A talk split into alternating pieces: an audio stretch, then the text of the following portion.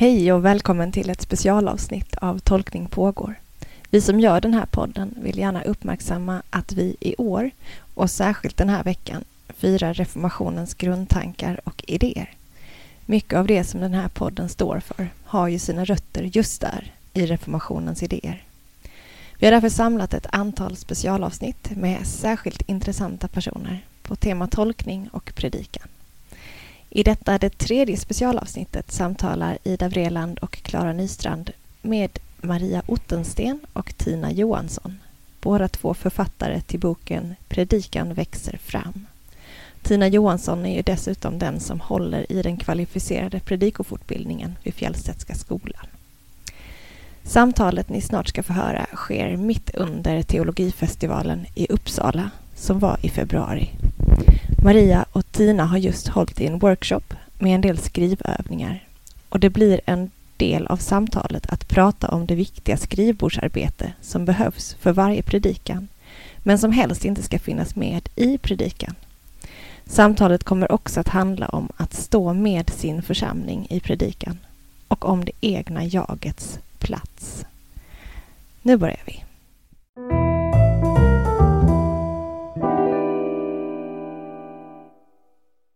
Ni jobbar mycket med predikan och då undrar jag, som ni ser det, liksom, hur viktig är just bibeltolkningen för predikan? Hur stor del av predikoarbetet skulle du säga ska handla om bibeltolkning? Ja, men det, det, är ju, det är ju bibeltolkning, men det är ju, det är ju bibeltolkning och samtidstolkning. Och, och, alltså det, är ju, det är ju lika viktigt att tolka Bibeln i ljuset av samtiden som att tolka samtiden i ljuset av Bibeln. Och det är någon slags sån här... Det går inte att urskilja det ena från det andra. Och det finns ibland låter det som att tyngdpunkten ligger i bibeltexten i predikan och ibland mm. låter det som att tyngdpunkten helt ligger i samtiden och någon kan till och med undra vad det där hade med bibeltexten att göra. Men, men åtminstone liksom är ju ambitionen och viljan och det som är syftet att, att de liksom blandar ihop sig. Och det är rätt svårt att skilja det ena från det andra. Sen tycker jag att mm. själva bibeltolknings... Alltså vad ord betyder eller kontext och så, det är ju mera bakgrundsmaterial som mm. jag jobbar med för att det behövs för att kunna göra den andra tolkningen. Det är inte, mm. så, det, det, är inte så mycket att presentera. Fast ibland blir det så, så här så snäpper någonting till just i, mm. i den där tolkningen. Så, wow! Liksom. Det. Så mm. det blir grejen. Mm. Ja, jag, jag, det behöver ju göras ett skrivbordsarbete. Och det vi gjorde nu det var att göra ett, ett sorts skrivbordsarbete. Fast, fast vi gjorde det tillsammans. Uh, och det ger väldigt många fler perspektiv än när jag gör mitt skrivbordsarbete själv. Men jag behöver göra arbetet och jag behöver mm. jobba med vilken tolkning jag håller på med. Mm. Jag måste vara medveten om hur jag tolkar. Och ibland så... så och, och, och då är det ett förarbete, men det ska inte hållas i predikan. Alltså predikan är något annat. Man behöver inte följa med i predikan Nej. sen hela... Mm. Sen satte jag mig och gjorde en exeges. Nej, men det, där ska du ha pennan fram. Det ska, det ska ja. inte med. När jag läste texten i fredags, då tänkte jag så här. Ja, men det är ju inte intressant, mm. för nu är det söndag. Precis. Alltså, vad är det du mm. tänker idag på söndagen? Så, mm. så det är väldigt mycket av det arbetet som görs vid skrivbordet ska vara kvar på skrivbordet. Mm. Men slutsatserna, de ska med. Det som blir mm. predikan i det skrivbordsarbetet, mm. det ska med i predikan. Men och då kan det vara en del nycklar jag upptäcker vid skrivbordet mm. som ska med in i predikan. Och då tänker jag att där kan man prata om tolkning i relation till hur använder jag de här nycklarna och vilka är de mm. som hjälper oss att se livet vidare eller mm. att upptäcka nåden. Mm. Och då kan jag upptäcka vid skrivbordet. Då ska de med in. Ja, så, men, men väldigt mycket skrivbordsarbete. Men då förstår, jag det, ja, precis, men då förstår jag det ändå som att, att skrivbordsarbetet är väldigt viktigt. Ja. Som ni säger. Ja.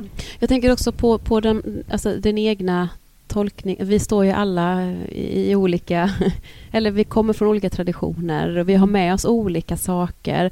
Det där medvetandegörandet om min tolkningsnyckel som vi alla har olika. Hur mycket... Är det någonting ni tänker... För nu tänker jag det, det är kanske någonting som församlingen bör veta. Eller det spelar ingen roll. Eller det är bäst att jag behöver vara medveten om varifrån jag har fått mina tolkningsnycklar eller varför jag tänker som jag gör.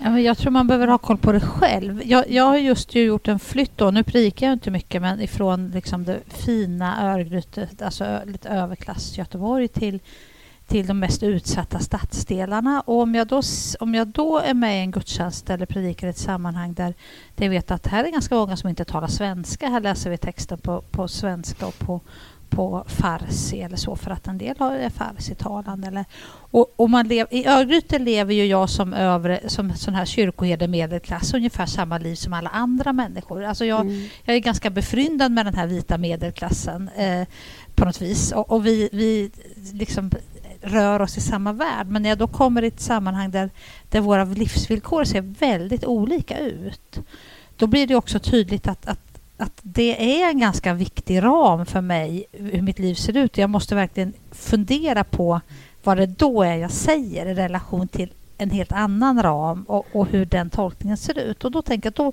för mig i alla fall blir det en sån här oj, nu pratar vi inte om människor som har det svårt för som man kan sitta och göra i Örgryte för nu pratar vi i församlingen med mm. en församling som är mycket mer mångfacetterad.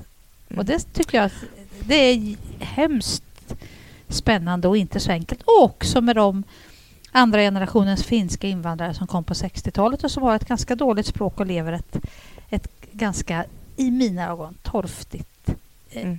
liv. Alltså somliga av dem och som jag inte vet så mycket om utan måste liksom närma mig och förstå. Hur ser det här livet ut? Alltså vi pratade på förmiddagen, eller nämnde, eller du, du gjorde mm. det, om att stå med församlingen eh, och inte peka åt församlingen. Liksom. Inte tala om för församlingen utan stå med och titta tillsammans med församlingen. Och Det blir viktigt, ja. var man än är. Mm. Alltså, men ibland är det lättare och ibland är det svårare. Ja, men, men det jobbet behöver jag som predikant alltid göra. Mm. Alltså du, du har predikat i Örgryte och stått mm. med församlingen i Örgryte. Nu, nu står du någon annanstans och mm. står med församlingen. Mm. Mm. Jag har eh, jobbat med prästkandidater som kan mycket om bibeltexter och det har varit fantastiskt roligt. Eh, och vi har tittat tillsammans från olika håll. Ja, nu har jag under två års tid, eller knappt två års tid, jobbat med ungdomar framför allt på Stiftsgården i Undersvik. Och då har vi stått tillsammans och tittat. Mm. Och det har ju varit jättespännande för mig. Jag har ju mm. lärt mig hur mycket som helst. För att vi har tittat från andra håll. Mm. mm. Och nu ska jag nästa vecka börja som kyrkoherde i en bruksort med ganska blandad befolkning. Eh, och det ska bli jättespännande. Nu får jag lov att titta från ett mm. andra håll igen. Mm. Och jag behöver vara medveten om mm. både liksom, olika tolkningsmöjligheter och lyssna jättenoga. Och också ha med mig... Eh, alltså, det finns ju böcker och teorier kring, kring tolkningsvarianter och, och vi har skrivit om Jones teologiska mm. världar. Han, han, han har strukturerat upp fem teologiska världar. Bara det är ju en hjälp att se att, att det finns åtminstone fem tolkningsvarianter. Liksom. Eh, nu ska jag upptäcka, finns det fler? Är det andra det. här som, som mm. jag inte har koll på? Och, och hur, mm. hur funkar de? Och hur tänker man då? Mm. Så det här att ständigt vara nyfiken och, och på, på spaning i församlingen man jobbar, det tror jag är jätteviktigt. Mm. För att veta vad är det för frågor man ställer och vad är det man brottas med. Och om, man, om, man har, om man har tappat det lite, om man känner att ah, nej, jag, jag har inte riktigt den där glöden nu, nyfikenheten. Den, ah, jag bara kör på. Jag, vad säger ni till någon som... Ja, då säger jag, då behöver du gå kvalificerad fortbildning. det säger du. Bra. skulle jag också kunna Bra säga, svar. men när de då, då, är de för nära mig så säger jag Fast det har vi inte råd med. men, men, eh, men någonstans, ja men också, det kan ju också vara läge att, att, att flytta på sig, för det har ju också mm. någonting med att göra att vara på samma ställe länge gör det ju både lättare och svårare. Mm. Det är ju svårt att komma till en ny plats där du inte känner människorna. Det är ju lättare att veta att jag predikar bland de här vännerna som jag känner och jag vet liksom vilka liv de har. Men det kommer också till en punkt där det någonstans blir för mycket upprepning kan jag tycka. Eller, eller nu, liksom, mm. nu är det dags att, att flytta och byta så att man hamnar i ett nytt sammanhang. Mm. Sen tänker jag en annan utmaning som predikant kan väl också vara att man ibland ska gå steget före. Alltså man ska stå med sin församling men ibland också vara den som mm. kanske tar ett steg och vågar ja. sin sårbarhet mm. eller vågar sin brut, brustenhet eller så. Mm. Så är man... Eh, det mm. kanske man gör med sin församling. Men, ja. ja. Ja, och det, jag minns att när jag gick på, på pastis så vet jag att, att någon, om någon predikade och så tog man exempel från kanske sin egen då, brustenhet eller brutenhet, hur vi nu vill ja. säga. Och då var det alltid så här, ja men du ska inte stå och prata om dig själv. Mm. Och jag har tänkt ibland på det, för jag brukar ta också använda mig själv som... Alltså jag, det är ju det vi gör, vi går ju tillbaka mm. till oss själva hela tiden. Även om vi kanske berättar om någon annan med så är det ju ändå mm. det som jag bär på som färgas av det. Um, det här att, att inte att inte vara som att åh, nu handlar predikan bara om prästen som står mm. där framme. Men, nej, men det måste ju någonstans, det är ett kapitel i vår bok faktiskt, tror jag, men det här om pronomenanvändning. Jag använder också väldigt ofta pronomenet jag faktiskt. Mm. När jag kom ut så gjorde jag aldrig det, för det var förbjudet. Det ja. hade jag lärt mig att jag får man inte säga. Mm. Eh, men, men någonstans måste det vara ett jag som någonstans liksom djupnar till den här gemensamma stora underströmmen som mm. jag delar med andra människor. Det är ett jag där du kan känna att det är jag också och du kan känna att det är jag också. Det får inte vara mitt isolerade jag. Mm som inte... Som liksom, det får vara den mänskliga erfarenheten som jag delar med andra och som är ganska väl bearbetad hos mig själv. För Det kan inte heller vara det ja, mitt det. står i, liksom, för det ska Nej. ju inte ut där Nej. överhuvudtaget. Nej. Mm. Men, men det här jaget som är för, för stängt och för mycket bara jag, det ska ju inte, har ju inte i predikan att göra. Men det djupa jaget som, som är liksom det botten i mig är också botten i dig. Det jaget det kan är ju väldigt rymmas. intressant att ja. det är olika jag. Ja, jag ja. tänker att det är lite olika jag, ja, verkligen. Och, och de, den som lyssnar kanske hör du, fast man säger jag. Ja. Det är jaget som ja. inte mm. bara blir ett jag, utan Nej. ett du. Mm. Och, och, där, där tänker jag att, att det här där behöver, det har med skrivbordsjobbet att göra. Mm. För mig. Alltså, och nu eh, får skrivbordet vara en bild för förarbetet. Mm. Mm. Eh, att, att jag behöver i, i den processen rensa bort det som är specifikt mitt eget jag. Mm. Eh, min egen brottning eller mitt eget kvarter eller blomlådorna eller vad det kan vara som, som bara är mitt enskilda. Mm. Eh, och så stryka det. och så låta det jaget som är mitt, som vi delar med varandra, eh, det får vara kvar. Ja, spännande. Mm. Det gäller att, det är kanske inte är helt lätt alltid att Nej. veta vilket som är, det är det ju inte. Vilket som är vilket. För, för det kan ju också vara så att, att jaget är ett exempel. Alltså mm. att gå från det enskilda till det, det till allmänna. Det ja. den, den processen ja. kan man göra i en predikan. Mm. Ja. Och då kan det vara lättare. Det kan också vara lättare att, att om, om predikanten använder jag så kan jag som lyssnare tänka just det, så kan man uppfatta det. Mm. Så har jag inte tänkt förut. Nej, och så får man dela det här. Men det kan också vara så att att, att jag tänker jaha, hon tänker så. Nej, men det håller jag inte alls med om. Och då är det mm. möjligt. Mm. Mm. Då, för mig är det mycket svårare när predikanten säger vi.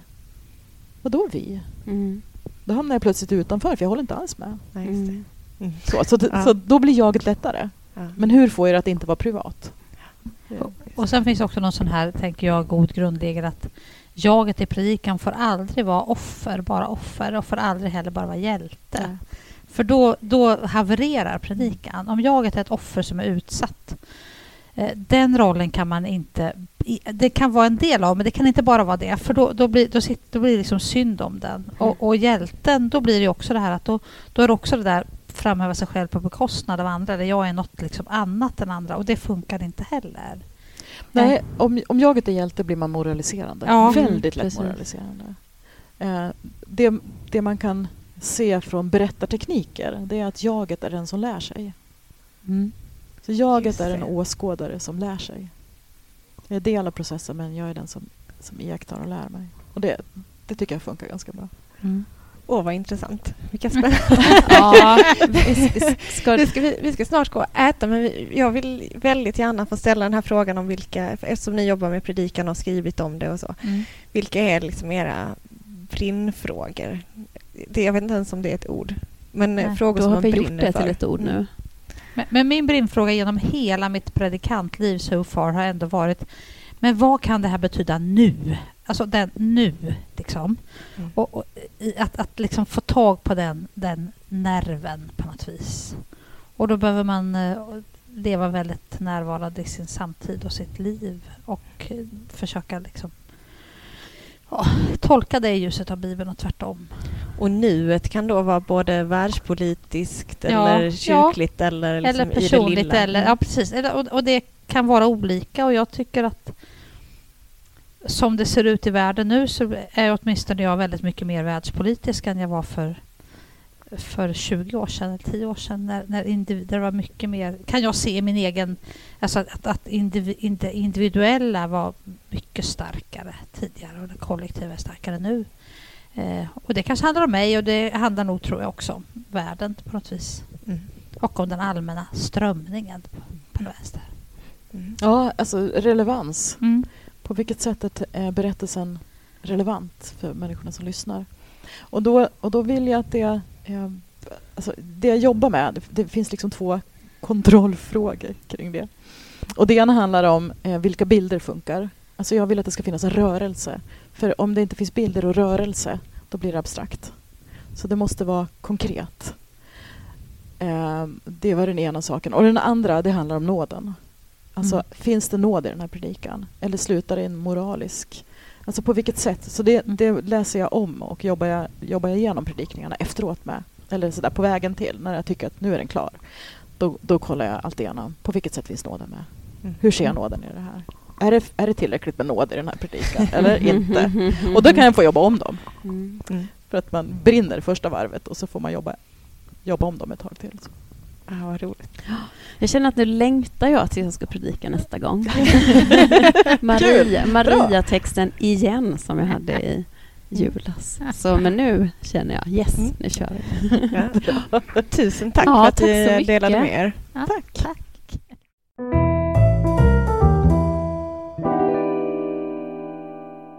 Du har lyssnat på Tolkning pågår, en teologipodd för dig som vill delta i tolkande samtal och för dig som vill få inspiration i predikoförberedelsen.